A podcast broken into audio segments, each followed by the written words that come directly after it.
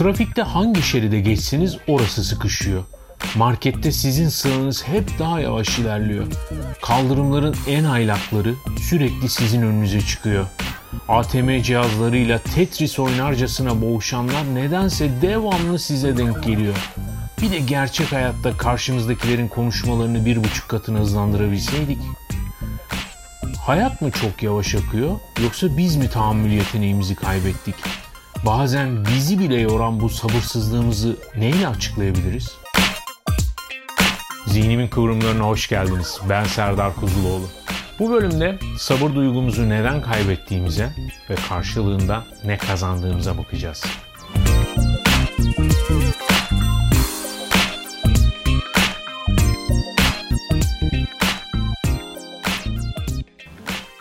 Beni bu güzel havalar mahvetti. Böyle havada istifa ettim Efkaf'taki memuriyetimden. Tütüne böyle havada alıştım. Böyle havada aşık oldum. Demiş ya hani Orhan Veli. İşte öyle havalardayız. Bahar geldi, yaz geldi dostlar. Yaylar gevşedi derler ya. Bu karantina döneminde ki işte 2020 yılının 21 e, Haziran'ında saat 14.40'da e, başlıyorum bu kayda. Başlangıçta bölüm notlarını sizlerle paylaşayım. Hani gündemden ve e, kendi bölümümüzün konusundan bağımsız olarak. 91 günlük kişisel karantinamı sona erdirdim ve bu hafta daha doğrusu sizin izleyeceğiniz pazartesi gününü düşünürsek geçtiğimiz hafta evin dışına adım attım. Annemi ve babamı ziyaret ettim. Bir 2-3 gün onlarla vakit vakit geçirdim. Tabi böyle deyince sanki başka şehirlerde yaşıyormuşuz gibi düşünenler de olabilir. Hayır. Yani 20-25 dakikalık e, araç yolculuğuyla ulaşabileceğimiz yerlerde yaşıyoruz ama İstanbul'un hali de biraz böyle. Tekrar eve kapandım. Çünkü dışarıların benim adıma bir cazibesi yok. Yani benim dışarıda yapmaktan keyif aldığım hiçbir şeyi keyif alarak yapamıyorum. Ee, çok bunaltan ve terleten bir maske takmak zorundayım. Restoranların tadı yok, sokakların tadı yok. Herhangi bir şeyin hasretini ya da yeniden kavuşmuş olmanın coşkusunu yaşayamıyorsunuz ama bu bir hani yere gidip oturup bir şeyler sipariş edip yemeyi, dışarıda oturmayı vesaire çok özlediğimi düşünüyorum. Park ta bankta oturma fantezimi henüz yerine getiremedim. O da e, hedeflerim arasında yerini koruyor. 12. bölümde alt yazılardan bahsetmiştim. E, alt yazıya ihtiyaç duyan e, çok sayıda e, takipçimiz var. Birçok takipçim bu konuda destek vermek istediğini söyledi. Ben yeterince anlatamadım herhalde. YouTube'daki bütün videolara istediğiniz gibi alt yazı ekleyebilirsiniz. Bunun için kimseden izin almanıza, efendim ekstra bir şey yapmanıza, birinin size bir şey açmasına gerek yok. Eğer bu özelliği özellikle kapatmadıysa bütün videolar alt yazı katkılarına açık. Bunu menüde şöyle bir dolanarak videonun bilgi ekranının orada 3 noktaya tıklayarak siz de bulabilirsiniz. Ee, çeviri ekle adı altında yanlış hatırlamıyorsam alt yazı ekleme desteği var. Video sahibi bunu inceleyip onayladıktan sonra yayına giriyor. Yani 12. bölümümüz alt yazılı ilk bölümümüz olarak şu anda yayında. Bunun için teşekkür etmem gereken 3 isim var. Zaten e, bunları YouTube'da e, açıklama bölümüne otomatik olarak ekliyor bu isimleri. E, Emre Bahadır, Sefa Uslu ve Umut Zorer'e çok teşekkür ediyorum. Bu katkılarından dolayı gerçekten çok önemli bir e, emek bu. Çok saygı duyuyorum. Ben de krediniz baki. Çok teşekkür ediyorum. E, bunun tabii yani Otosap gibi vesaire böyle Python tabanlı, e, yazılım tabanlı otomatik çeviren uygulamalar, e, sesi otomatik olarak metne çeviren uygulamalar vesaire de var ama benim gerçekten bu video ile ilgili işim bittikten sonra böyle bir ekstra emeğe takatim, mecalim kalmıyor. Birkaç defa tekrarladığım gibi bunun video ve ses formatını hazırlamak, çekmek, montajını yapmak, miksajını yapmak, internete yüklemek, açıklamalarını yapmak, yayınlamak minimum ama minimum 16-18 saat alıyor ve bütün her şeyi tek başıma yapıyorum. Dolayısıyla e, bu konuda sizlerin desteğine ihtiyacım var. Destek olan herkese de olmak isteyen herkese de şimdiden çok teşekkürler. İzleyici fotoğraflarını yollamaya devam ediyorsunuz. İzleyici, dinleyici fotoğrafları. Böylelikle bu kendi çalışma odamda kendi başıma yaptığım yayının ve bunca emeğin ne kadar hayal edilmesi ve inanması zor geniş bir kitleye ulaştığını görüyorum. Yani Aranızda çobanlar var. Sürülerini otlatırken beni dinliyorlar. Fotoğrafları var. E, Danimarka'da bir Vatman yani bu tren makinist e, izleyicim var. Bir yandan treni kullanırken e, beni dinliyor.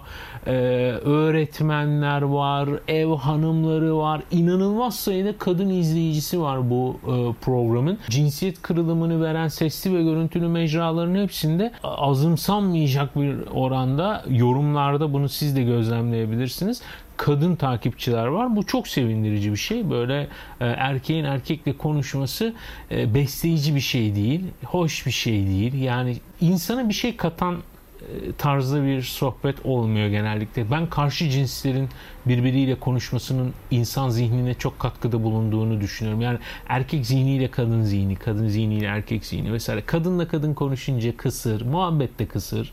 Erkekle erkek konuşunca yine muhabbet kısır. Bunu en iyi ben e, bir erkek olarak biliyorum, gözlemliyorum. Ama kadınlarda da uzaktan anladığım ve onların bazılarından dinlediğim kadarıyla durum böyle. E, bu izleyici fotoğraflarından niye bahsettim? Bunların hepsini bir e, Google albümünde topladım. Bunları hani herkese açık açık paylaştığınız için benimle ben de herkese açık olarak onları bir albümde toparladım. Bunun linkini, bağlantısını da beni dinlemekte ya da izlemekte olduğunuz e, uygulamanın açıklamalar bölümüne ekliyorum. Oradan bakabilirsiniz. Sizlerden gelen yeni sosyal medyada paylaştığınız görüntüleri de elimden geldiğince buraya aktarmaya çalışacağım. Böyle zihnimin kıvrımları ailesi gibi bir şey oluşturmuş olduk geçen bölümde de bahsettiğim gibi bu bir üçleme yani burada e, üçüncüsünü konuşacağım konu e, bu üçlemenin sonuncusu bir bütünü tamamlıyor. Diğer bölümler neydi? Zaman ve telaş bölümüydü. Dördüncü bölümümüz olan telaş ve on birinci bölümümüz olan zamanlı eğer fırsat bulursanız, takip etmediyseniz lütfen bir edin. Çünkü bugün bahsedeceğimiz şeylerin tamamlayıcısı olacak. E, tabii ki bunu böyle telaştı, zamandı, sabırdı, he, kolaylıkla bir kişisel gelişim kursuna çevirmek de mümkün ama en korktuğum şey de o malum. Beni e, şu güne kadar takip edenler sanıyorum bunun farkına varmıştır. Bu kişisel gelişimin ideolojisi beni birazcık korkutuyor. Özellikle bugünkü batılı, Anglo-Sakson kişisel gelişim. Yani sadece iş odaklı, sadece para odaklı kişisel gelişimin bizi getirdiği nokta ortada. E, bu kişisel gelişim sürecinde kariyer elde etmiş ve para elde etmiş insanlar da mutlular mı diye bakarsanız koca bir soru işareti. Bir mümkün olursa onlarla bir konuşun bakalım. E, o kadar çabaya değmiş mi? Demek ki kişisel gelişimi de yanlış tercüme ediyoruz. Bizim de burada derdimiz zaten böyle kişisel gelişim kursu yapmak değil. Aksine elimden geldiğince hatırlatmaya çalıştığım gibi benim asıl işim teknoloji ve bu bahsettiğim konu teknolojiyle doğrudan ilgili ama ben pat diye sosyal medya bizi sabırsız yaptı. Sosyal medya ve internetin araçları bizi sürekli bir telaş haline götürdü. Zaman algımızı bozdu bunlar. Gecemiz gündüzümüze karıştı desem havada kalmış cümleler olacak ama ileride ben bunlardan bahsettiğimde diyeceğim ki bakın biz zihnimin kıvrımlarının dördüncü bölümünde telaştan bahsetmiştik. İşte e, burada bahsettiğimiz telaşın sebebini merak ediyorsanız, ne olduğunu merak ediyorsanız bakın demek için buralara geliyoruz. Diyerek sözde fazla uzatmadan bu bölümün açılış notlarını tamamlayalım ve adet olduğu üzere bu bölümde yani sabır bölümünde sizlerin de nasiplenmesinde fayda olduğunu düşündüğüm kaynaklara bir göz atalım.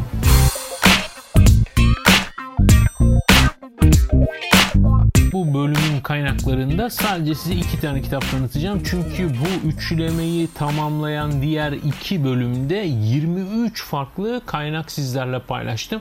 Bunların büyük bir bölümü kitaplardı. Bir kısmı YouTube'da izleyebileceğiniz çeşitli videolarda kaynak videolar. Bir kısmı da benim blogumdaki mserdark.com adresindeki bu konularla ilgili yazmış olduğum eski yazılarda. Dolayısıyla 23 tane e, kaynak sizi diğer 4 ve 11. idi galiba. Evet 11. bölümlerin açıklamalarında sizleri bekliyor. Lütfen o anları da bir e, tarayın gözünüzle. Bu bölümde de bu e, kapsamı tamamlayan iki kaynaktan bahsetmek istiyorum sizlere. Birincisi e, Metropolis'ten çıkan Cal Newport'un Dijital Minimalizm adlı kitabı alt başlığı da şöyle ekran bağımlılığı ve teknoloji yorgunluğu sarmalından kurtulmak için bir yol haritası çeviren de Cansen Mavi Tuna. İkinci eserimiz ise Timaş yayınlarından çıkan Beyniniz adlı kitap alt başlığı bir zaman makinesi Dean Buonanno tarafından Yasin Konyalı'nın çevirisiyle dilimize kazandırılmış durumda.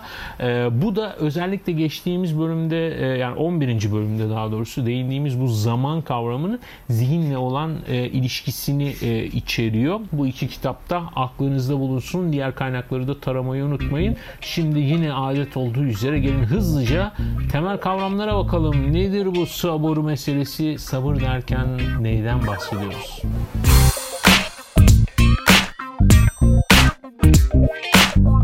Nişanyan sözlükte sabrın iki karşılığı var. Her ikisi de Arapça. Yani sabır dediğimiz şey Türkçe bir kelime değil. Arapçada bizim bugünkü programımızdaki anlamı karşılığı ile tahammül ve katlanma olarak e, belirtilmiş. Tahammül de zaten Arapça bir diğer kelime ve yanlış hatırlamıyorsam kelimelerin sihri bölümünde değinmiştik. Tahammül de Haml'dan geliyor. Yani haml, hamal e, vesaire gibi e, kelimelerde de karşımıza çıkan kök.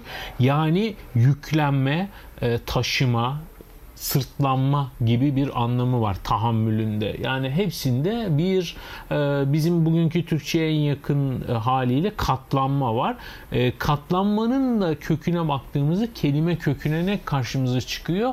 Katı olma hali yani katlanma, katılanma vesaire yani bir şey karşısında dik durabilme, olduğu gibi durabilme, kendini kaybetmeme gibi anlamları var ve zihnimizde aşağı yukarı zaten gerçek anlamıyla da karşılığını bulmuş durumda. Neden? Çünkü gündelik hayatımızda en fazla ihtiyaç duyduğumuz ve yokluğunda en fazla sıkıntı çektiğimiz, varlığında da en çok nasiplendiğimiz erdemlerimizden biri sabır. E şimdi bu kısaca gayet net bir şekilde ve sanıyorum hepimizin anladığı, hatırladığı e, bu tanımları tamamlayarak bakalım bu sabır ile gündelik hayatımızda olan ilişkilerimize nasıl bir hayat yaşıyoruz? Sabretmeyi ne kadar başarıyoruz? Başardığımızın sırrı ne? Başaramadığımızın gerekçesi ne?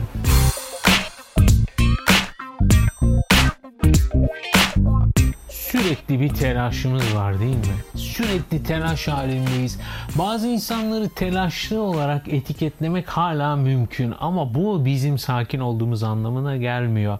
Genel anlamda özellikle Türkiye'de yaşayan insanlar olarak telaşlıyız sebebini açıklamakta bazen zorlandığımız şekilde telaşlıyız. Hatta o kadar bu telaşı özümsemiş durumdayız ki bazen bazıları bu konuyu gündeme getirdiğinde bu bizi daha da öfkeli hale getiriyor. Yani telaşlıyız ve telaşımızdan bahsedilmesi bizi öfkeli hale getiriyor. Yani bu telaşlılık haliyle de öyle barışık değiliz. Mesela işte ya ne kadar güzelsin birine dediğinde ya çok teşekkür ederim der değil mi?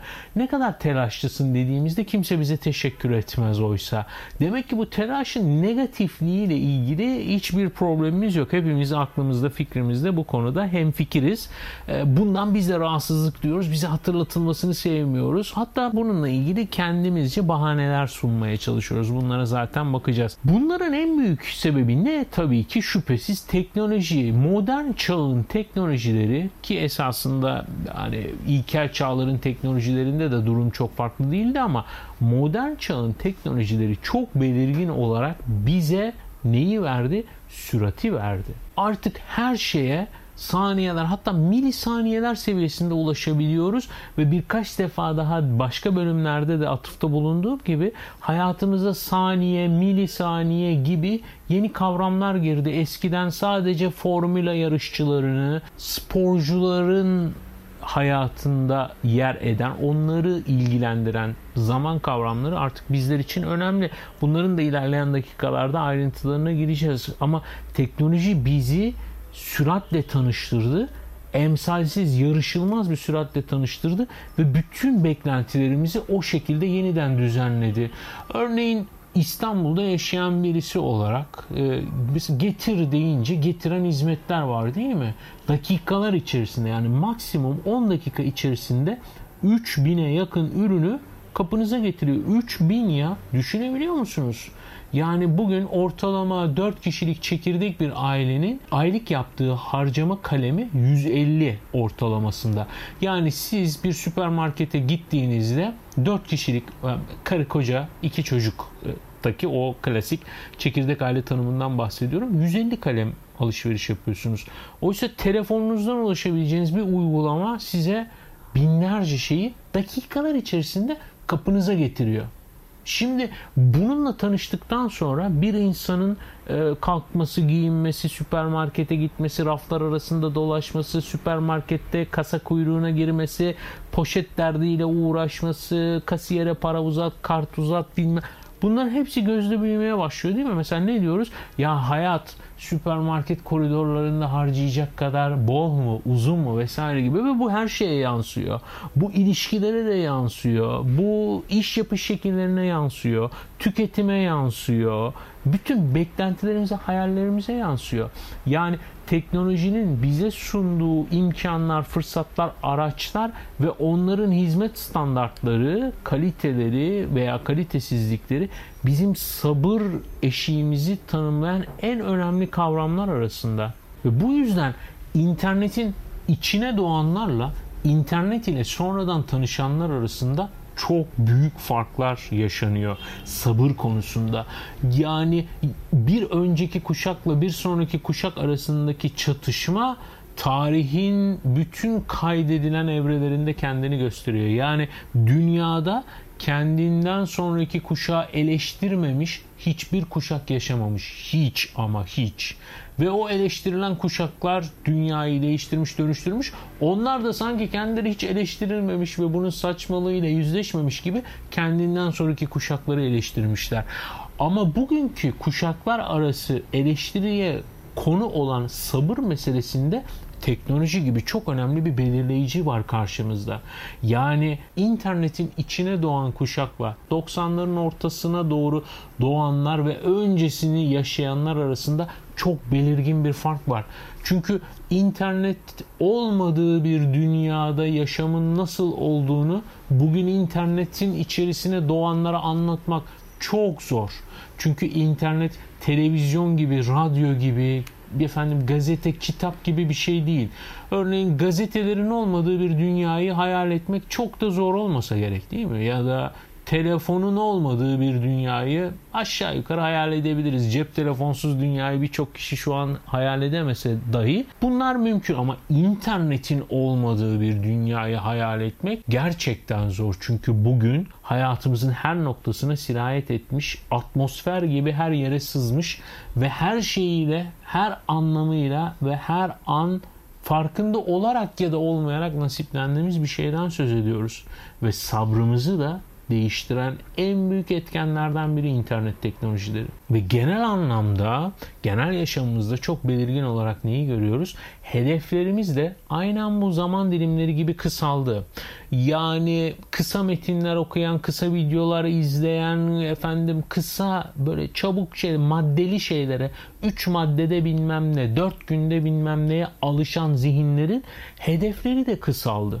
Yani siz 60 saniyelik videolar izleyerek e, hayatı okumaya çalıştığınız bir sosyal platformda terbiye edilmiş beyninizle 5 yıllık hayat planları yapamazsınız. 5 yıl sizin için 5 ışık yılı kadar akıl hayal almaz ve düşünülemez bir zaman dilimi haline gelir. Bu yüzden bütün her şeyimiz giderek daha kısa zaman dilimlerinin arasına sıkıştı. Ve bu da neyi getirdi? Sabırsızlık. Yani bu bir yumurta tavuk ilişkisi elbette. Sabra dair burada teknolojiyle kesişen her şeyde aklımıza o yumurta tavuk hikayesi gelecek. Tavuk mu yumurtadan, yumurta mı tavuktan? Teknoloji mi bizi sabırsız yapıyor? Sabırsız olduğumuz için mi teknoloji bu şekilde gelişiyor? Zaten buna birazdan teknolojik determinizm muhabbetinin içerisinde detaylarıyla gireceğiz. Ancak hedeflerimizin kısalması bu döneme dair çok önemli belirleyicilerden biri.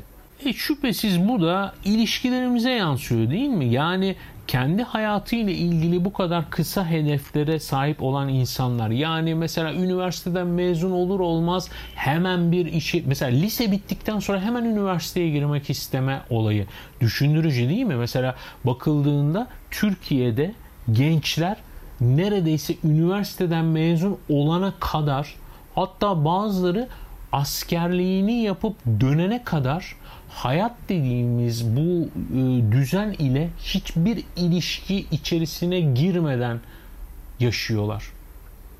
Bunu düşünebiliyor musunuz? Mesela bunu uzak doğuda düşünebiliyor musunuz? Bir Koreli'nin böyle yetiştiğini mümkün değil. Bir Japon, bir Çinli, bir Amerikalı, bir efendim İngiliz, Alman mümkün mü böyle bir şey? Sen üniversiteye geçinceye kadar hiçbir işte çalışmayacaksın. Hiçbir e, para kazanma derdine düşmeyeceksin. Dünya nasıldır, e, hayat nasıl işler bilmeyeceksin. Sonra üniversite mezun olunca hemen böyle bir işe girme telaşı. Yani liseden sonra üniversite, üniversiteden sonra hemen iş, işten sonra hemen evlilik falan böyle şeyler. Hayatı tanımadan neredeyse emekli oluyorsun hayattan ve bütün bu süreçte ne istiyorsun? Hemen yükselmek. Mesela daha ilk işine girer girmez hayatta ihtiyacı olmayan bir maaş beklentisi. O maaşı bir şekilde eğer alabilirse hemen yükselme beklentisi. İşte e, iki yıldır buradayım, e, önümü göremiyorum. Ne olacak? Gelecekte ne olacak? Nereye gideceğim? Vesaire gibi değil mi? Hemen böyle bir müdür olma, şef olma, patron olma, genel müdür, CEO olma falan filan. İşte bütün bu zavallılıkların sebebi bizim hedeflerimizin kısalması ve bu da bize sabırsızlığı getiriyor. Sabırsız insanların beklentisi bu. Hayatta hemen bir şeylere ulaşmak. Oysa hayatta bir şeylere vaktinden önce ulaşmanın bir lanet olduğunu birazdan anlatacağım sizlere. Ve bir konudaki mecburi telaşımız bizi her konuda telaşlı hale getiriyor. Şimdi bunu ben genellikle trafikte gözlemliyorum. Şimdi moto, motokuryeler motosiklet camiasının taksicileri, minibüsçüleri gibidir. Uzak durmakta fayda var her anlamda. Çünkü önümde giderken görüyorum böyle bir Atari salonunda jetonla oyun oynar gibi. Yani motosiklet dediğiniz iki tane teker, tekerin yere değen kısmı da şu kadar var yok. Şu avucunuz kadar var yok. Mesela benim küçük skuterum var, bir Vespa skuterum var. Ee, onunki daha da küçük. Yani sizi hayata bağlayan, toplasanız yani 30 santimetre kare yok kamikaze yapar gibi böyle makas. Yanında durup diyorum ki ya kardeş sen şu anda gerçekten acelen olduğu için mi böyle kullanıyorsun? Yoksa bu bir alışkanlık mı oldu diye. Diyor ki hepsi abi sorma ya alıştık böyle hani artık hiç böyle bir paket maket taşımasak bile böyle kullanıyoruz diyor. Yani bir konu mesela motokuryenin işi mümkün olduğunca hızlı, mümkün olduğu kadar çok sayıda evrağı, gönderiyi, paketi her ne ise sahiplerine ulaştırmak.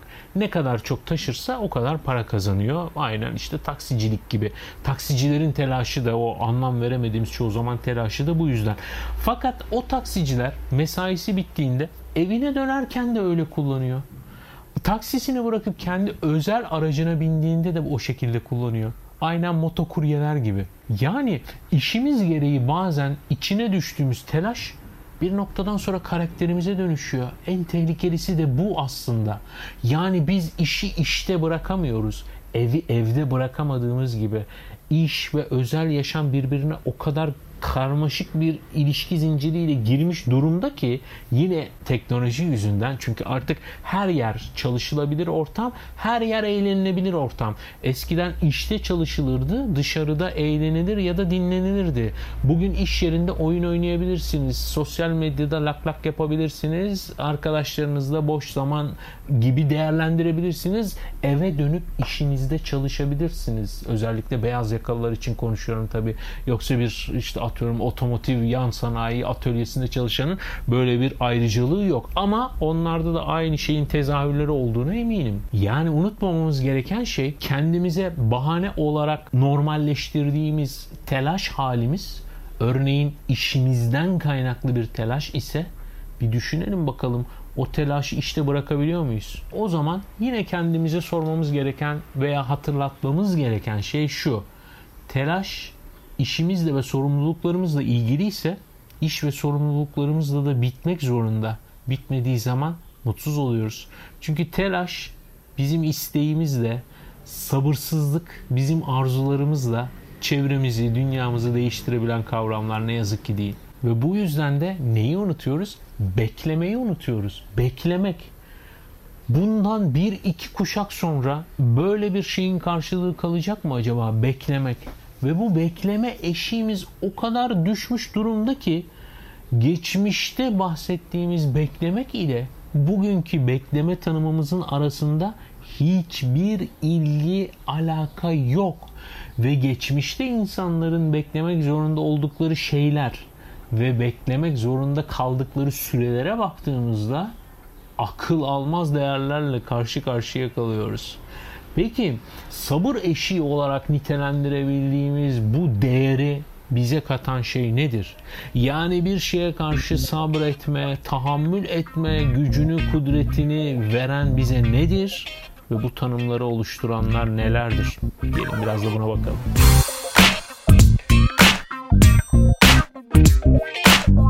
Neredeyse unutmaya yüz tuttuğumuz bir erdem. Sabır. Sabır bir erdem. Öncelikle bunun altını çizelim. Ee, insanın sahip olduğu ya da olması arzulanan olgularından biri. Erdemi, sabır. Şimdi neden sabırsızız? Çünkü sabır bizden benzeri olmayan tek şeyimizi talep ediyor. Zamanımızı. Zaman zaman ile ilgili özel bölümümüzde de değindiğimiz gibi göreceliliği, kişiselliği, algıya dayalı yapısı bir yana saklayamadığımız, biriktiremediğimiz tek şey. Örneğin paranızı harcamadığınız zaman biriktirebilirsiniz. Ama zamanda böyle bir şey yok. Zaman vardır. Onu kullanırsınız. Kullanmazsanız akar gider. Yani düşünün ki gökten para yağıyor ve siz avucunuzu açıyorsunuz, tutabildiğinizi tutuyorsunuz. Geride kalan her hepsini yerden süpürüp alıp götürüyorlar. Böyle bir şey zaman. Bu yüzden işte ne kadar var olduğunu da bilmiyoruz. Öyle değil mi? Yani şimdi ben bir dakika sonra bu programı devam ettirebileceğime dair bir garantiye sahip miyim? Hayır. Tık diye son nefesimi burada kamera karşısında verebilirim. Ya da bunları size hiç ulaştıramayabilirim. Ee, o zaman mesela ben böyle bir bilgiye sahip olsam 3 saat sonra son nefesimi vereceğimi bilsem acaba bu programı kaydeder miyim değil mi? Önceliklerimizi de değiştirir. İşte sürekli olarak bu yaşadığımız hayatın ne kadar sürekli olduğunu bilmediğimizden dolayı e, onu daha kendimizce anlamlı, daha iyi bir şeylerle doldurma derdindeyiz ve bu daha iyinin bir karşılığı da yok. Yani daha iyisini istiyoruz ama o daha iyisini, şu an elimizdekini kötü yapan şey nedir? Bunları bilmiyoruz ama tek bildiğimiz şey zamanı saklayamıyoruz, biriktiremiyoruz. Bu yüzden sahip olduğumuz tek gerçek ve değerli kavram zaman. Ve dolayısıyla bu e, sınırlılık hali bizde telaşı getiriyor. Sabırsızlığı getiriyor ve bu sabırsızlığın getirdiği telaşta bizim için yaşamda en önemli olan, önem taşıyan pek çok şeyin gözden kaçmasına yol açıyor. Oysa ki çok ilginç zihinlerimize yer etmiş değişlerimiz var. Mesela ne diyor? Bekleyen derviş muradına ermiş. Değil mi? Böyle bir sözümüz var. E, bütün dillerde buna benzer şeyler var. İşte all good things come to one who waits gibi mesela İngilizce'de işte e, en iyi şeyler bekleyene gelir veya bekleyenlere en iyi hayırlı şeyler gelir gibisinden nasıl çevirirsiniz? Yani her dilde aşağı yukarı böyle özdeyişler, e, efendim özlü sözler, aforizmalar var. Ama ne diyor? Bekleyen kim orada? Derviş. Derviş bekliyor.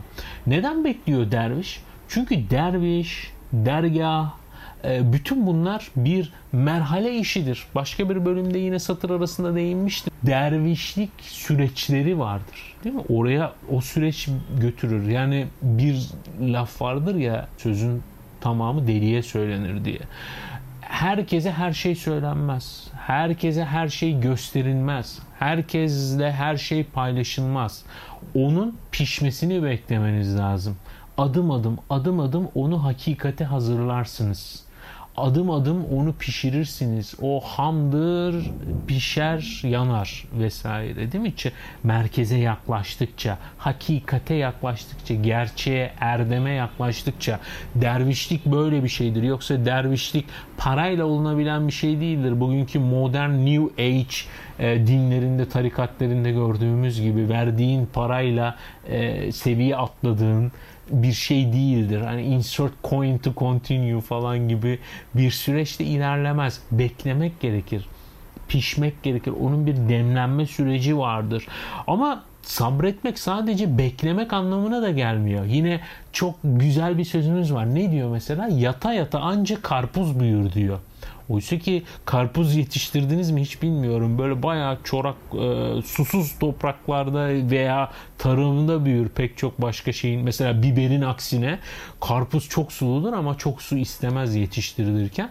Ama karpuz bakım ister. Üstelik öyle sadece yaptığı şey yatmak da değildir. Öyle bile olsa yata yata gerçekten de karpuz büyür. Yani insan tahammülü bekleme ile karıştırırsa bir şeye ulaşabilir mi? ben şu koltukta oturayım sabırla bekleyeyim. Neyi bekleyeyim? Bana güzel şeyler olmasını bekleyeyim. Aklımın fikrimin güzel şeylerle dolmasını bekleyeyim. E, hayatıma güzel insanlar girmesini bekleyeyim. Güzel şeyler yapabilmeyi bekleyeyim. Olur mu? Yani bunu sabırla beklesem ben bir ömür bunlara ulaşabilir miyim? Aklı mantığı var mı? Demek ki sabır ile tahammül ile beklemeyi birbirine karıştırmamak lazım. Sabır ve tahammül bizim bir süreci yaşarken yaptıklarımız ile ilgilidir. Sabır, tahammül bizim sabır ve tahammül gerektiren olaylar karşısındaki tavrımız ile ilgili bir şey. Bizim erdem seviyemizi bu belirliyor. Yani süpermarket sırasında oflayıp puflayan, cıklayan, önündekini rahatsız eden, etrafa huzursuzluk veren bir insan olmak mı? Yoksa senin sabrını zorlayan şekilde yavaş giden bir süreçte elindekileri bırakıp o insanlara yardım edip o süreçlerin biraz daha hızlanmasını sağlamak mı? Ya da benim başıma bu geldiyse kesin bunda bir hayır vardır. Belki şimdi hemen telaşla dışarı çıksam kafama bir şey düşecek. Bir ters bir insanla karşılaşacağım. Ben burada bu sırada bu aksiliği bekliyorum. Çünkü bunu yaşamam gerekiyor mu diyorsunuz. Yani böyle şeyler belirliyor işte. Ama unutmamamız gereken en önemli kavram sabır her zaman emek ile desteklenmek zorundadır. Sabır tek başına hiçbir şeyin garantisi değildir. Hayat bir emek ürünüdür. Hayatta sahip olduklarımızı onlar adına verdiğimiz emek ile elde ediyoruz. Ve bu emeğin karşısında bunu sabır ile destekleyebilirsek hedeflerimize ulaşabiliyoruz. Eğer emeği sabır ile desteklemezsek boşa gidiyor o emekler. Çünkü o telaş yüzünden ha bu olmuyor herhalde deyip başka bir şey emeğimizi harcıyoruz. Onu harcıyoruz, bunu harcıyoruz. Sonunda kısıtlı zamanımızı ve enerjimizi sonuç alamadığımız yüzlerce binlerce hayal ile harcamış oluyoruz. Oysa ki sabır emeğimizin karşılığını almak için bize muhteşem bir kaldıraç etkisi sunuyor. Bunun mesela benzerlerini neyde görüyoruz? Meditasyonda görüyoruz. Ben mesela meditasyon hiç yapmadım hayatımda e, yapan çok arkadaşım var. Çok da ilgili meraklıyım ama yani nasıl yapıldığını bilmiyorum. Meditasyon da aslında insanın nefsini terbiye adına önemli pratiklerinden birisi.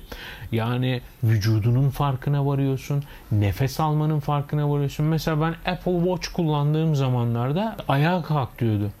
Ben mesela şimdi normal hayatımda bu bilgisayar başında bir şeyler okuyorum. Bazen saatlerce okuyorum. Saatlerce hiç kalkmadan ve bazen yani doğal ihtiyaçlarım olmasa mesela suyum bitmese, e, yemim bitmese, tuvalete gitmem gerekmese belki kalkmayacağım da buradan. Hani bana burada koltuğun altına bir lazımlık koysalar bir de serum bağlasalar belki hayat burada geçiyor. Ama mesela Apple Watch değil ayağa kalk diyor. Ve nefes al diyor. Ve bir uygulama vardı. Hani Apple Watch kullananlar bilirler ya da benzer uygulamalar kullananlar. Nefes al diyor. Bir animasyon çıkıyor ekranda.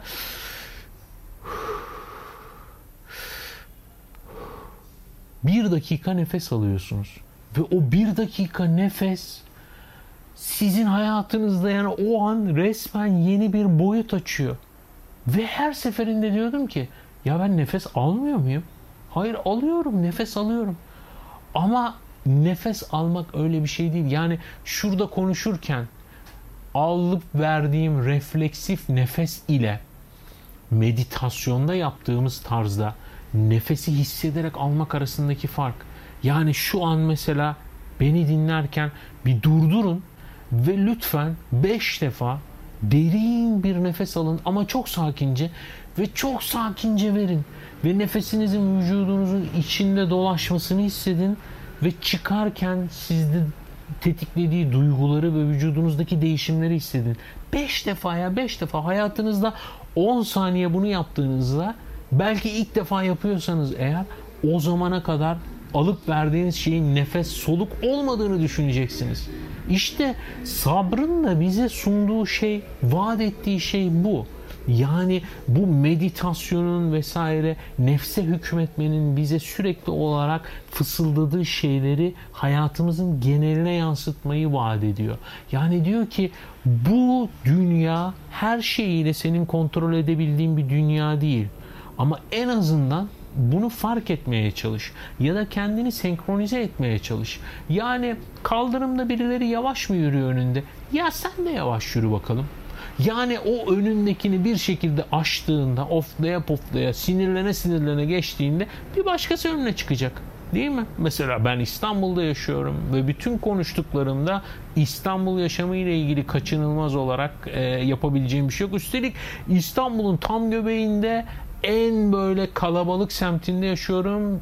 İstanbul'un dört bir yanından insanlar buraya kafelere, restoranlara, barlara, alışveriş e, mağazalarına geliyorlar. E, yerlisi, yabancısı. Yani burası bir curcuna. Bu kalabalık hayatın içerisinde o hayal ettiğimiz düzeni kurmamız mümkün değil. Ama belki onunla senkronize olmamız, ona birazcık uyum sağlayabilmemiz ya da o akış içerisinde direnmeyi bırakarak onun şeklini alarak ya da çatlaklarından sızarak ilerlememiz mümkün. Bunu da bize sunabilecek olan tek şey sabır. Çünkü sabırsızlığımızın telaşı ile birlikte sürekli olarak hükmetmeye ve sürekli olarak kayalara çarpıp çarpıp geri dönmeye, kendimizi tüketmeye ve yok etmeye mecburuz ve mahkumuz. Çünkü sabırsızlığın bir üst limiti yok. Ben çok sabırsızım. 3 dakika bekleyemiyorum çağrı merkezinde operatörlerin diğer müşterilerle ilgilenmeyi bırakıp bana gelmesini bekleyemiyorum 3 dakika. Güzel. 1 dakika bekleyebiliyor musunuz? Hayır.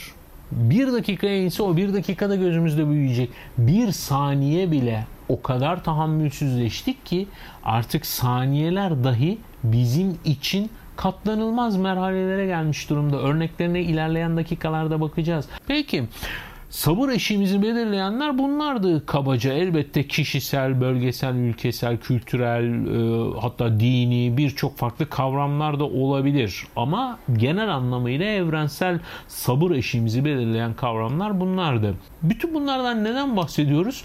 E, bunları bilmemizin ötesinde çok daha iyi bildiğimiz bir şey var. E, sabırsızız. Hepimiz zaman zaman bu e, duygumuzla yüz yüze geliyoruz ve bu bize bir rahatsızlık veriyor. Tamam sabırsızız.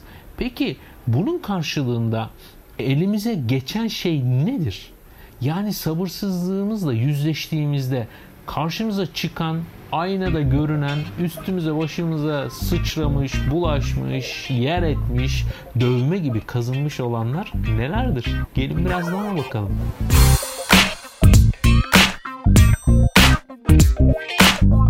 Sabırsızlığa yönelik yüzleşmemizde öncelikle bilmemiz gereken çok net bir şey var. Biz sabırsız olduğumuz için hiçbir şey değişmeyecek ve hiçbir şey daha hızlı gerçekleşmeyecek. Öncelikle bunu bir hatırlayalım. Yani sabırsızlığımızı yenebiliriz, yenemeyiz, törpüleyebiliriz, dizginleyebiliriz. Bunlar aynı mesela. Ama şunu hatırlayalım. Öyle ya da böyle. Bizim sabırsızlığımız dünya üzerinde herhangi bir şeyi değiştirmeyecek. Bir şeyler oluyor, o şekilde olmaya devam edecek. Biz sabredelim ya da etmeyelim. Durum bu. Bizim sabırsızlığımız bunların hızlanması için bir çabaya girmemizi gerektirecek. E, bu, bu böyle emeklerin içerisine gireceğiz ama bunların neredeyse tamamında başarısız olacağız. Ya da başarı gibi görünen şeyler yine bizim dışımızda olayların akışı sonucunda gerçekleşmiş şeyler olacak. Bunu mesela gündelik hayatta şöyle bir örnekle somutlaştırabiliriz. Yemek yaptığınızı düşünün. Mesela bazen açlıktan bazen işte zamanın daralmasından ötürü hızla yemeği pişirmek, e, yapmak, ısıtmak isteyenlerin başvurduğu yöntemlerden biri nedir? Ocağın altını daha da harlı bir ateşle beslemek. Yani işte ocağı daha fazla açmak. Öyle bir terim kullanılıyor sanırım. Ya da fırının derecesini yükseltmek. Mikrodalganın işte e, derecesini yükseltmek vesaire gibi. Ne olur? daha mı hızlı pişer? Mesela işte bir e, e, yumurtayı haşlıyorsunuz e, 9 dakikada kısık ateşte yumurtayı soğuk suyun içine koyup haşlamaya başladığınızda 9. dakikada mükemmel kayısı kıvamına geliyor. Hiç şaşmaz. Ocağın en küçük, en kısık ayarda soğuk suya 9 dakika yani musluk suyuna. Şimdi bu böyle bir bilgi edindik. Peki onu orta ya da yüksek dereceye getirip 3 dakikada kaynatsak olur mu? Cık, maalesef olmaz. Olmaz. Ne olur? Başka bir şey olur. O istediğin kıvama gelmez. Yemeği bir an önce pişirmek için altını köklersen ne olur? O yemeği yakarsın. Değil mi? Isıtmak istersen yine aynı şey olur. Hayatımızda her şeyin ihtiyaç duyduğu, muhtaç olduğu bir zaman var. O zamanı ona tanımazsak olmuyor. Aksine elimizdekinden de oluyoruz. Yemeği pişirirken mesele sadece sıcaklık değil. Yemeği pişiren birazcık da zaman. Ama biz zamanı hızlandırmaya çalışıp ateşi harlarsak yemeği yakıyoruz. Hayat da inanın aynen böyle. Bir sabırsızlığımız var, bir telaşımız var ama ne için olduğu belirsiz. Yani sahiden ne için bir telaştayız? Ben bunu en çok benim işim gereği hayatımın büyük bir bölümü uçaklarda ve otellerde geçiyor. Şimdi her uçak seyahatinde şeye dikkat ediyorum. Uçak neredeyse indiği anda inmek için bir hareketlenen, dışarı çıkmak için hareketlenen insanlar var. Ya o kadar garip geliyor ki bana. Mesela oturuyor hemen ayağa kalkıyor. Hemen bagajına saldırıyor. Ve ayakta dakikalarca bekliyor. Kardeşim o uçak otobüs değil, minibüs değil, taksi değil. O uçak duracak. Bir körük ya da bir araç ona yanaşacak efendim o merdiveni yavaş yavaş yanaştıracak, kapı açılacak, onlar birbiriyle ilk prosedürleri yer ekibi yapacak, bilmem ne sonra sonra ineceksin. Bu en az bir 5-6 dakika, en iyi ihtimalle 5-6 dakika sürecek. O telaş neden?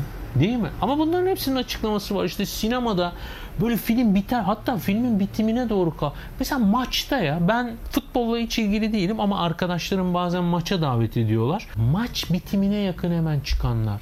Hemen kalabalığa kalmamak için otoparkta ya maça gelmişsin be kardeşim. Onun bile keyfini alamıyoruz düşünsene. Yani otomobilini ikinci elde prim yapacak renge göre alan insanlar gibi. Yani otomobil alma coşkusunu yaşayamıyor. Onun derdine ikinci el olarak satarken kolay satabileceğim bir renk alayım. Yani onun bir renk tercihi yok. Ben bu rengi seviyorum o yüzden bu rengi alıyorum diyemiyor.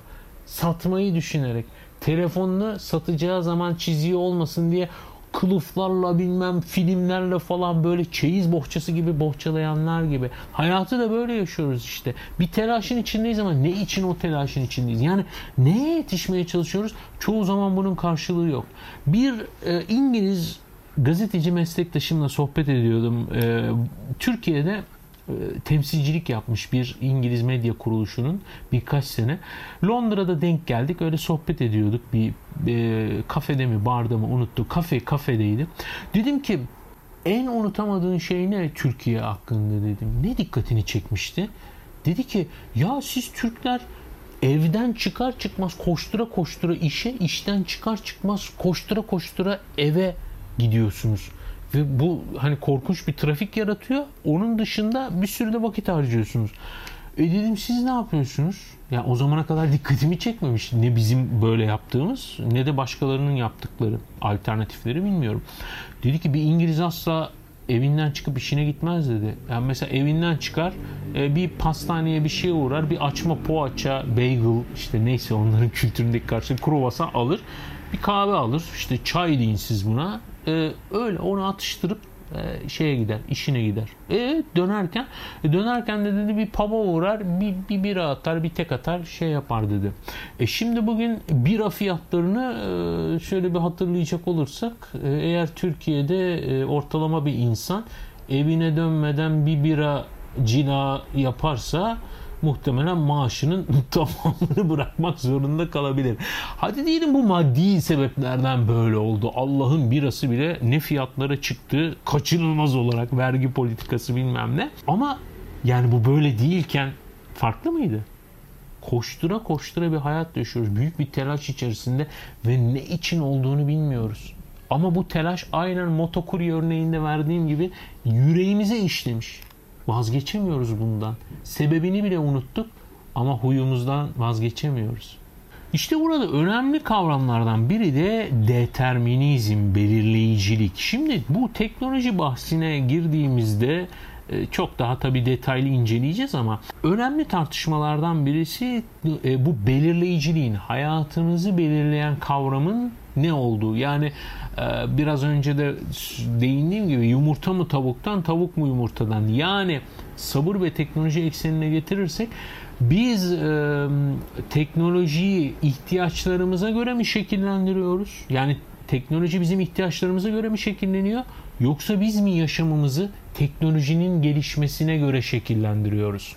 Çok önemli bir ayrım bu. Çünkü bambaşka iki noktaya götürüyor bizi. Burada e, düşünürler, e, uzmanlar ikiye bölünüyor. Ben de tam tarafımı belli e, edebilmiş değilim. Fakat bu konuda aynen benim gibi belirsizlik içerisinde olan ve dört temel e, yasayla e, bu teknolojinin belirleyicilik özelliğine güzel bir yaklaşım getiren e, bir e, düşünür var. Şimdi hiç kafa karıştırmamak için girmiyorum konuya ama ben nispeten onun gibi düşünenlerdenim. Ama günün sonunda baktığımızda teknolojik determinizm ve sosyal determinizm ayrımını iyi yapmak lazım bu sabırla teknolojik kesişimini incelerken. Çünkü teknolojinin hayatımıza bu kadar fazla sirayet etmesi, biraz önce de değindiğim gibi atmosfer gibi her tarafımızı sarması ve bir atmosfer kadar temel ihtiyaç haline gelmesi pek çok şey için bizde ne yaratıyor? Teknoloji ile ilgili eleştirilerde sürekli adlarını duyduğumuz işte dikkat eksikliği ve odaklanma sorunu gibi sabırsızlığı besleyen, ondan güç alan, kimi zaman onun altındaki ateşi harlayan kavramları hayatımıza getiriyor ki onları da başka bir bölümde ayrıca işleyeceğiz. Ama şimdi tam şu noktada gelin bu kadar da atıf yapmışken teknolojinin sabra yönelik etkilerine bakalım. Ne kadar olumlu ne kadar olumsuz yansıyor sabır ve sabırsızlığımıza teknoloji.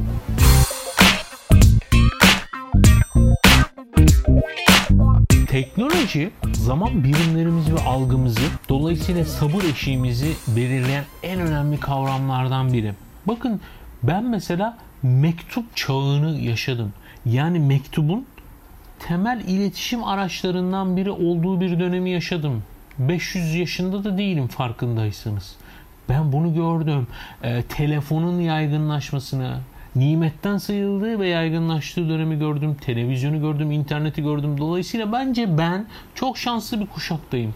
Yani internet ile birlikte doğan kuşaklar acaba benim yaşlarıma geldiğinde benim kadar fazla değişime şahitlik etmiş olabilecek mi? Zannetmiyorum açıkçası. Belki ayrıca konuşulur bunlar ama mektup dediğimiz kavram yani bugün sadece resmi evraklar, mahkeme celpleri, trafik cezaları falan gibi şeylerde kullanılan bu mektup bir zaman temel iletişim aracımızdı ve okullarda bize öğretilirdi ya. İşte mektup şöyle yazılır, tarih şuraya atılır, paragraf girintisi böyle olur, giriş gelişme sonuç e, şöyle biter, resmi bir yazışma ise şöyle, dostça arkadaşça bir şeyse böyle, zarf şöyle yazılır, adres şuraya, pul buraya yapıştırılır, arkasına iade Böyle bir sürü biz kültür, ritüel öğrendik mektuplaşma ile ilgili ve mektup dediğiniz şey ne? Gidiyorsunuz bir kağıda bir kalemle bir şeyler yazıyorsunuz ve eğer bu özendiğiniz bir şeyse önce bir müsveddeye yazıyorsunuz sonra temize çekiyorsunuz e, sonra yazıyorsunuz onu katlıyorsunuz zarfa koyuyorsunuz postane denen bir yere götürüyorsunuz orada üstüne pul yapıştırıyorsunuz veriyorsunuz. Eğer pulunuz varsa da posta kutusuna atıyorsunuz. Postacılar alıyor onu götürüyor. O taraftaki postacı alıyor muhatabına götürüyor. Sonra o okuyor. Bir uygun zamanında cevap yazıyor. O silsile dönüyor ve bu bazen haftalar, aylar alıyor. Japonya'da yanında kaldığım ailelerimle mesela 90'lı yıllar boyunca yazışmıştım. Japonya ile mektuplaşmak. Yani yazdığınız konunun bütün gündemi değişmiş oluyor. Veya şöyle söyleyeyim 92 yılında Japonya'ya sadece bir Türkçe gazete gidiyordu. O da Türkiye gazetesiydi ve bir gün sonra geliyordu. ve ben yokluktan böyle fallarına, seri ilanlarına kadar okuyordum. Yani işte mesela Tokyo'da, e, Akishima'da oturuyorum. E, efendim e, şey yapıyorum Silivri'de 3 e, artı 1 bilmem ne yazlık ilanına bakıyorsun falan yokluktan. Neyse ama mektuplaşma diye bir şey vardı. Mesela eski teknolojinin hızı bekleme süremizi ve sabrımızı da belirliyor. Zaman algımızı o oluşturuyor. Mesela teyp kasetleri vardı.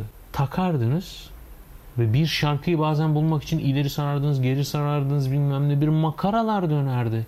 E, plaklar öyleydi değil mi? Plakla bir şey dinlemeyi düşünün mesela. Ne yapıyorsunuz? İşte plağı alıyorsunuz. Önce buluyorsunuz plağı kendi koleksiyonunuzdan. Sonra çıkartıyorsunuz. Efendim onu yerleştiriyorsunuz. Siliyorsunuz. İğneyi alıyorsunuz, koyuyorsunuz. Genellikle plakları albüm olarak dinliyorsunuz.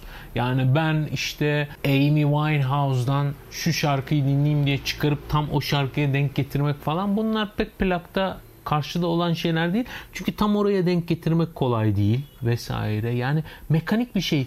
Birinci yüzü bittiğinde kalkıyorsunuz, ikinci yüzünü çeviriyorsunuz. Ve bu sizi beklemeye alıştırıyor, sabra alıştırıyor. Sevdiğiniz bir şarkının çalması için beklemeye alıştırıyor. Ama aksi takdirde teknoloji bizi neye alıştırıyor? Şunu dinlemek istiyorum. Bas dinle, bas dinle, bas dinle. Ve bu bas dinle bizim içimizdeki tesadüfiliği de öldürüyor esasında.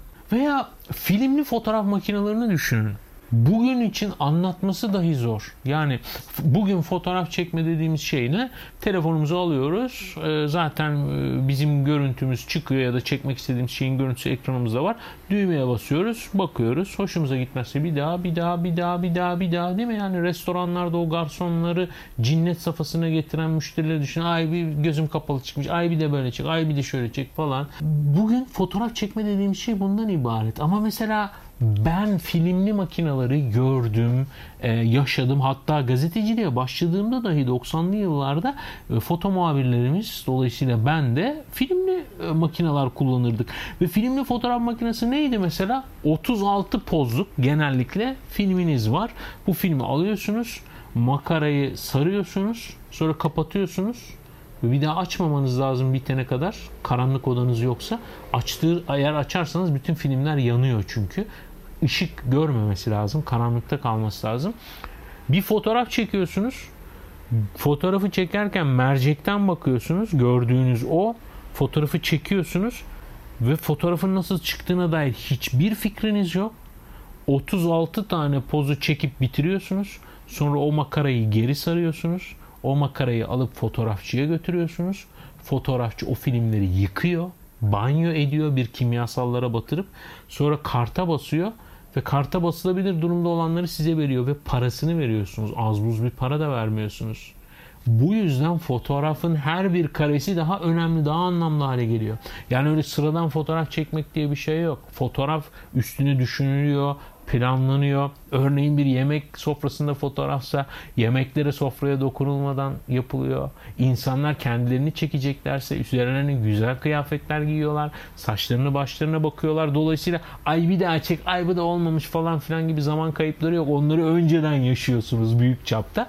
Ve Sonucunu haftalar bazen aylar sonra görüyorsunuz. Birkaç ayakkabı kutusuna, birkaç fotoğraf albümüne bir ailenin tarihçesi sığıyordu.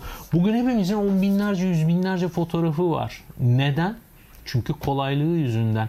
Peki o kadar anlamlı ve kıymetli mi? Hayır. Neden? Çünkü bol sayıda var. Neden bol sayıda var? Çünkü biz bekleme yeteneğimizi kaybettik artık. Artık çok daha hızlı ulaşabiliyoruz. Çok daha hızlı olduğu için miktarı arttı. Miktarı arttığı için kıymeti azaldı. Böyle büyümüş bir kuşağın sabır ile bekleme ile olan ilişkisini elbette internetin içine doğan kuşakla karşılaştıramazsınız. Bugünkü kuşaktan böyle bir sabır bekleyebilir misiniz? Çünkü artık hız algımız değişti. Mesela fotoğrafçılıkla ilgili baktığımızda hız algımızı ilk e, değiştiren şeylerden biri neydi? Polaroid fotoğraf makineleriydi. Polaroid filmler neyi getirmişti? Bir fotoğraf makinesi var, özel filmi var. Çekiyorsun, bekliyorsun, hemen yıkamaya, banyoya ihtiyaç duymadan sana sonuçları gösteriyor. Muhteşem bir şey değil mi? Düşünebiliyor musunuz? Haftalar süren bir beklemenin yerine birkaç dakika içerisinde fotoğrafınız elinizde karşınızda. Kimseye ihtiyaç duymadan üstelik görüyorsunuz kanlı canlı bir şekilde. İstediğinizde verebiliyorsunuz paylaşabiliyorsunuz üstüne notlar alabiliyorsunuz. Ama ne olmuştu biliyor musunuz? Onu bile beklemeye sabrımız yoktu. Film çıktığı andan itibaren yapılmaması tavsiye edilen şu hareketi yaparlardı. Neden? Bir an önce o hemen görünsün diye. Ya kardeşim haftalarca bekliyordun sen aylarca bekliyordun. Bak şimdi birkaç dakikada görecek. Hayır hemen görmek istiyoruz hemen. Bakın şimdi hemen görebiliyoruz değil mi? O bizi kesiyor mu? Hayır. Ah nerede o eski Ramazanlar, nerede o eski bayramlar programına dönsün istemiyorum ama internet kuşağı diyoruz. E, hadi ben de interneti yaşamış bir kuşağım. Biz internete bağlanmak diye bir fiile muhtaçtık ya. Bugün internete bağlanmaktan kastımız ne? Artık öyle bir kelime de dikkat ederseniz kullanılmıyor ama yani yaptığımız şey aslında ekranın başına geçmek. Telefonun ekran kilidini açmak, internete bağlanmak bu. Çünkü her cihazımız her an bağlı. Ama internet hep böyle değildi ki. Biz internete telefon numarası çevirerek bağlandık senelerce.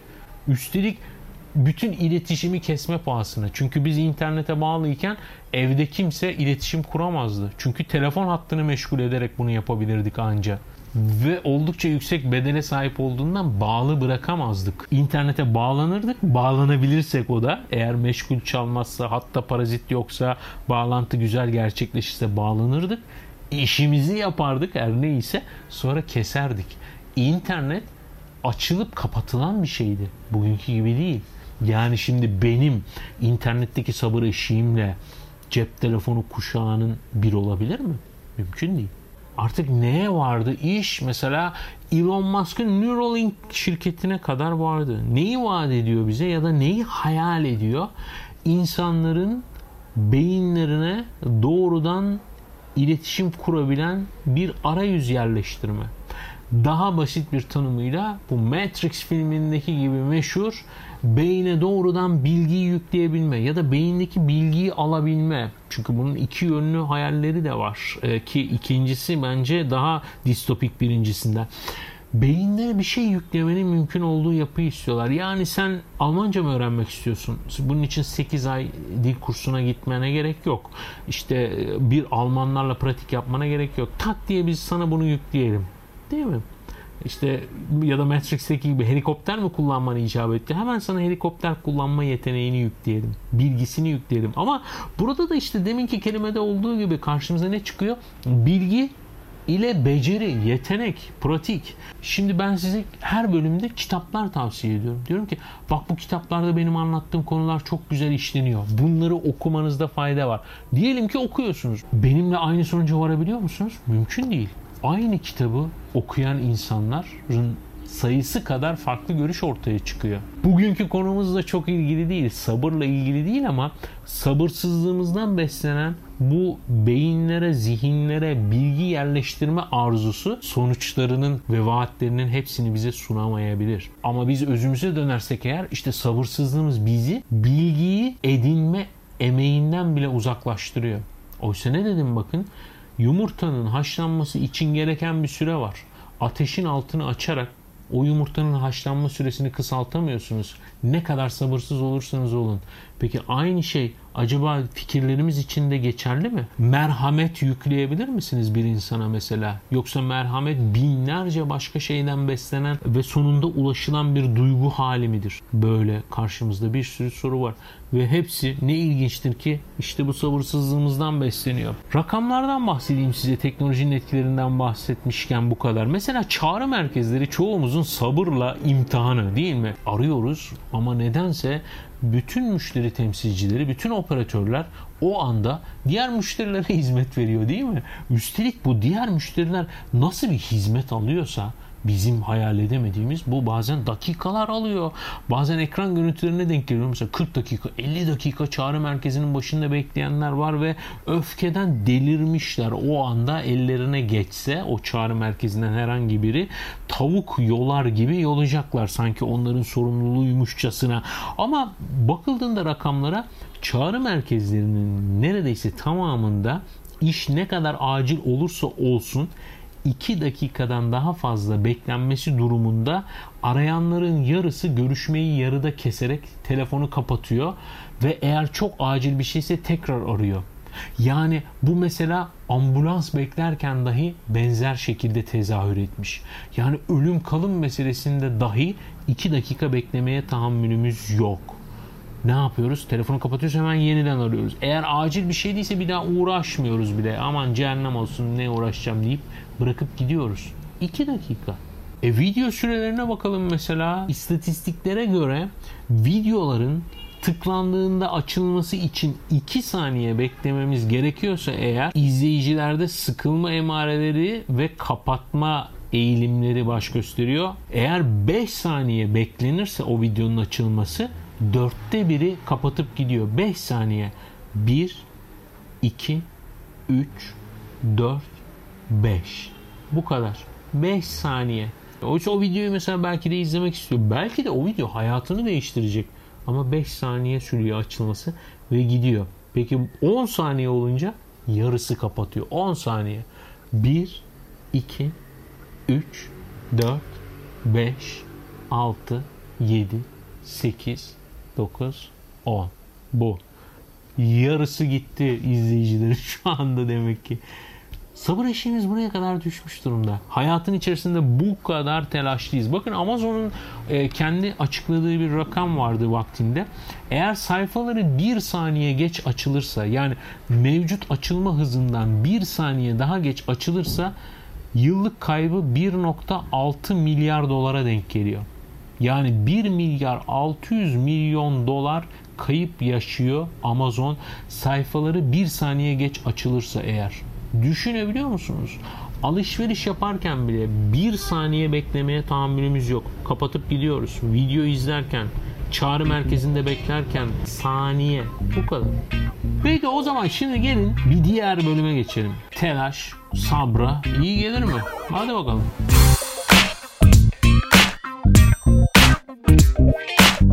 Zamanı yönetmek istiyoruz. Ona hükmetmek istiyoruz.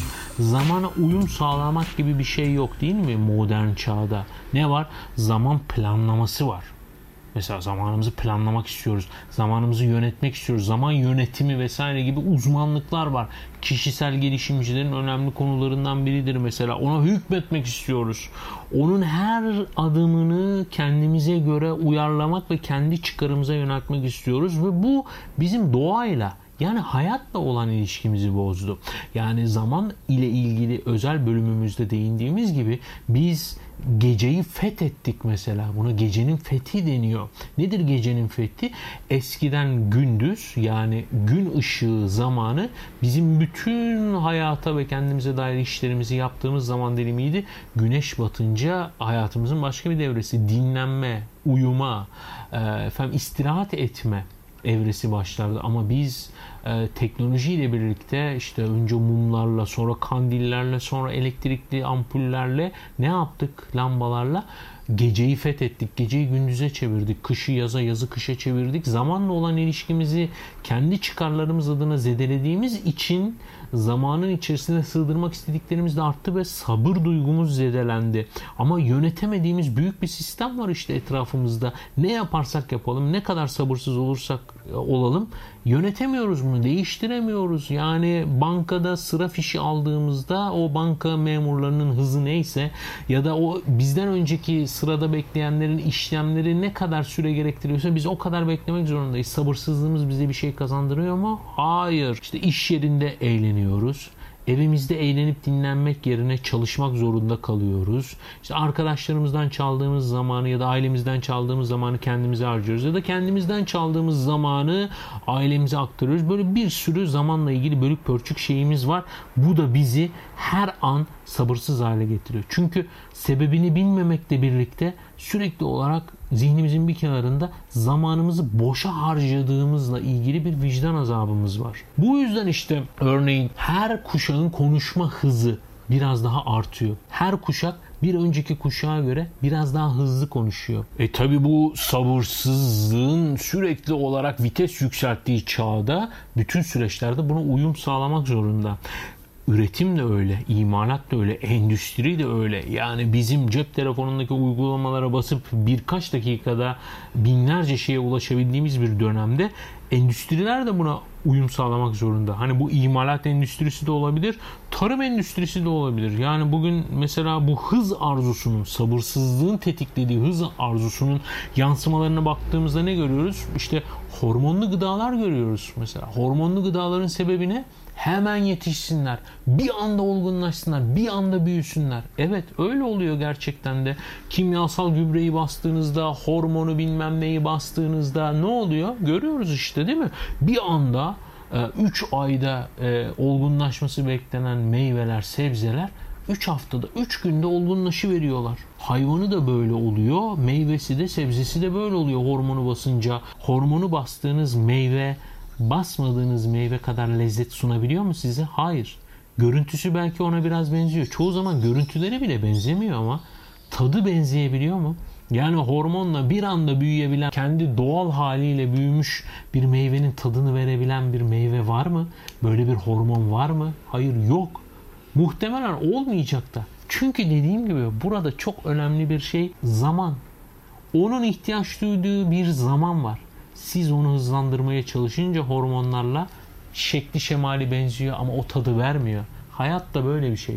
Sabırsızlıkla peşinde koştuğumuz hedefler vaktinden önce elimize geçerse o tadı vermiyor bize. O zaman bir bakalım bu sabretmek bize ne kazandırıyor? Yani sabredemediğimizde başımıza gelenleri biliyoruz. Peki sabrettiğimizde ne bekliyor bize?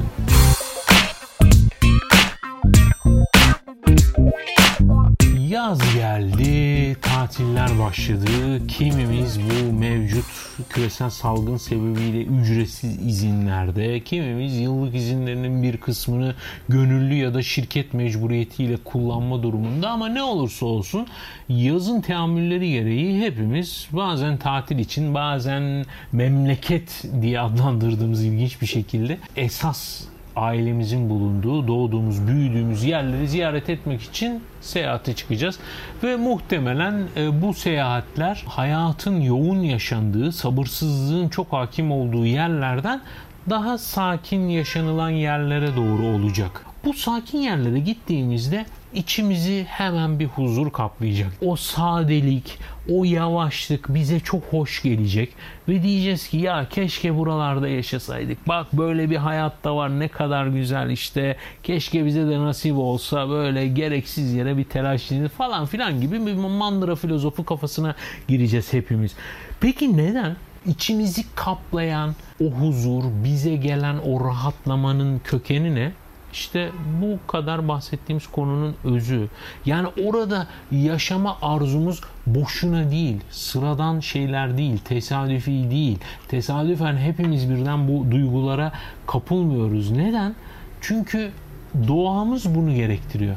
Yani insan doğasının ritmi aslında doğanın da ritmi.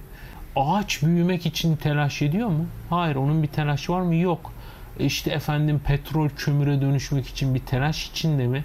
Ya da hayvanların böyle bir telaşı var mı? Mevsimsel döngülerinin kendi normlarının dışında bizim telaşımız da bizim doğamızdan kaynaklanan bir şey değil. Yani fıtratımızdan şüphesiz besleniyor ama fabrika ayarlarımızda değil bu. Sadece gıdıklandıkça böyle birazcık yerlendikçe bir anda büyüyen alevi var. Yani fitilini yakmadıkça aslında fabrika ayarımız işte bu e, ziyarete gittiğimiz memleketteki ya da o küçük salaş tatil beldesindeki huzurun ritmi. Ve en önemlisi sabır bize özeni getirir. Sabırlı ve özensiz bir insan yoktur. Yoktur. Ben rastlamadım en azından. Siz bir zihninizi kurcalayın isterseniz. Sabırsız ve özensiz insan çok gördüm ama. Sabırsız ve özenli insan bir ihtimal olabilir. Ama sabırlı ve özensiz insan çok zordur. Yani yine bir yumurta tavuk ilişkisi gibi olmakla birlikte sabır özen ile baş at gider. Yan yana koşar. El ele yürür. Yarınlara, mutlu yarınlara koşa koşa el birliğiyle gider. Peki o zaman hadi son bölümümüze geçelim ve o büyük soruyu soralım. Tamam sabırlı olacağım bundan sonra ama nasıl?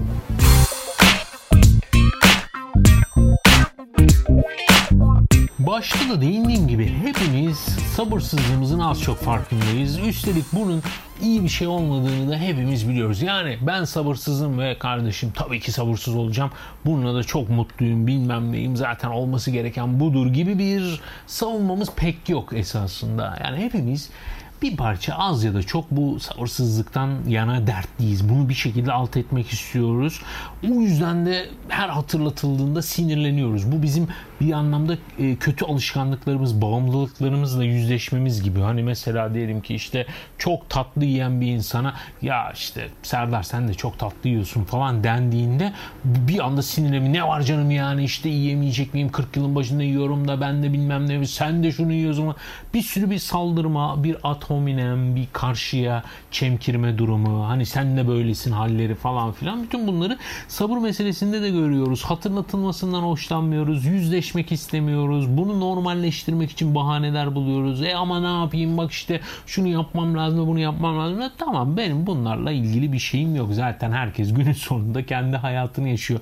Ben burada sadece kendi zihnimdeki değer yargılarımı ve bunları oluşturan tespitleri kayda geçirmeye çalışıyorum. Yoksa sizin hayatınızı değiştirmek, dönüştürmek gibi bir niyetim, hedefim yok. Haddim olduğunu da düşünmüyorum. Kimseyi de hayatınıza bu anlamda bulaştırmayın lütfen. Yani insanlar sizleri etkilesin, ilham alın veya işte hmm, olmamak için, ona benzememek için gayret gösterin. Böyle zihninizde mutlaka negatif, pozitif nirengiler e, olsun ama birebir örnekler çok tehlikeli diye düşünüyorum. Bu hazır lopçuluk bu çağın en büyük sıkıntılarından birisi.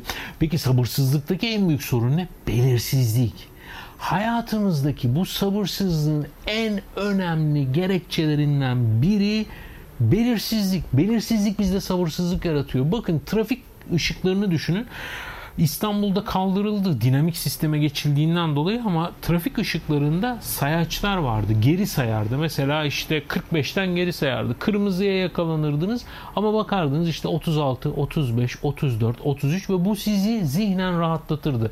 Çünkü ne zaman hareket edeceğinizi bilirdiniz ve ne zaman hareket edeceğinizi bildiğinizde o beklemeniz gereken süre size daha katlanılabilir, daha hazmedilebilir gelirdi.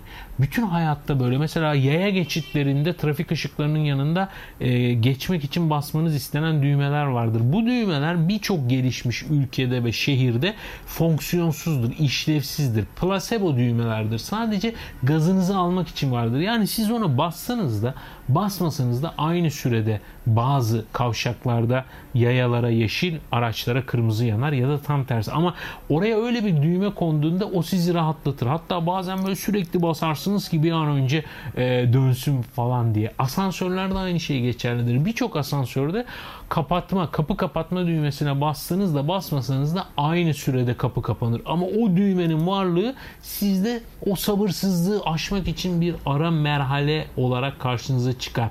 Bunu geçtiğimiz bölümlerden birinde tavsiye ettiğim Mehmet Doğan'ın pürüzsüz mükemmelliyetlik e, mükemmellik kitabında örnekleriyle daha da iyi görebilirsiniz. Sabrı öğrenmemiz gerekiyor. Yani bize birisi aşağı yukarı bir zaman çerçevesi vermeli.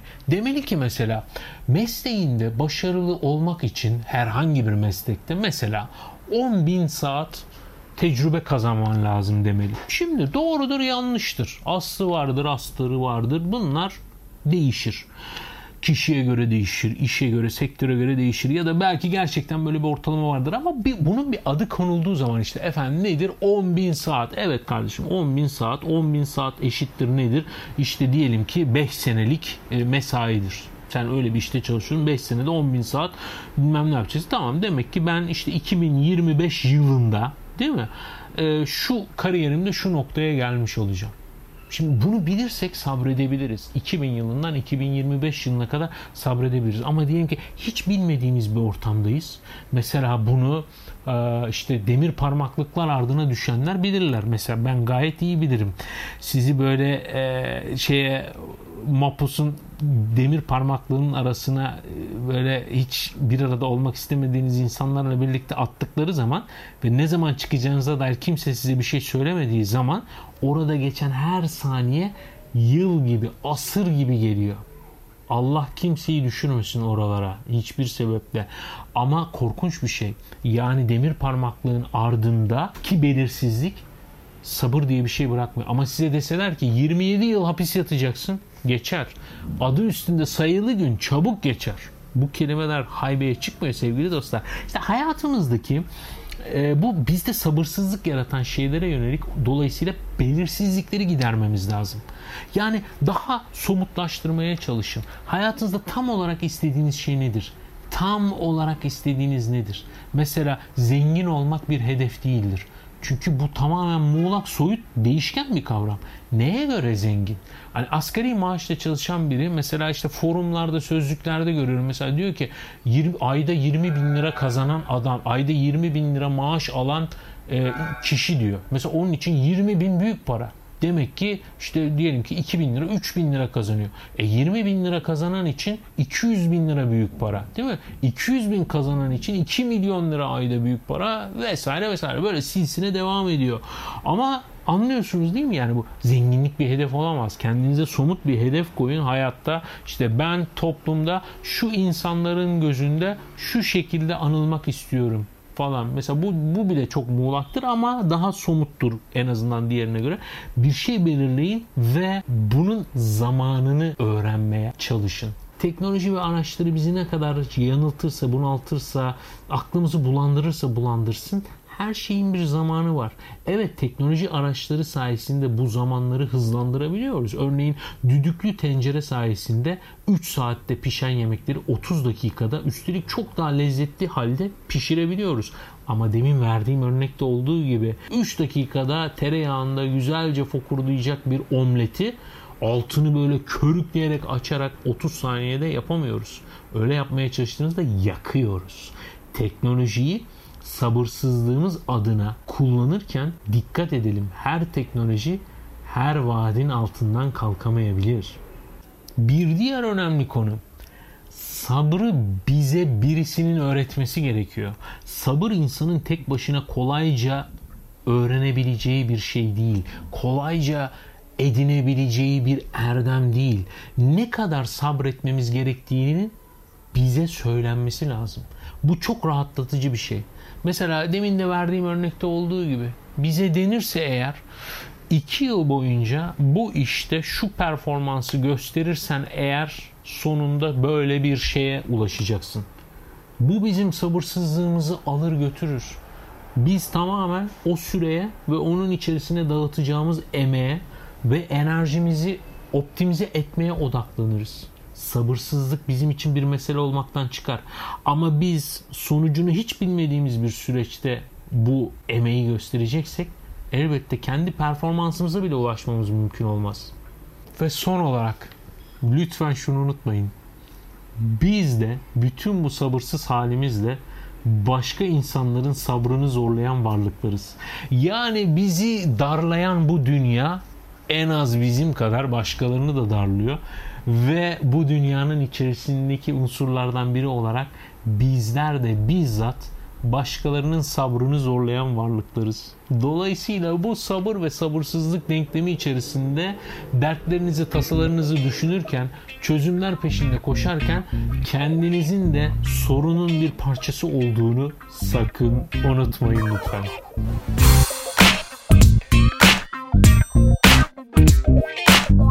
İşte böylece 13. bölümümüzün de sonuna gelmiş bulunuyoruz değerli takipçiler. Zihnimin kıvrımlarında dolaştınız bu haftada. Büklüm büklüm köşesinden bucağından dolanmaya çalıştık kıvrımların.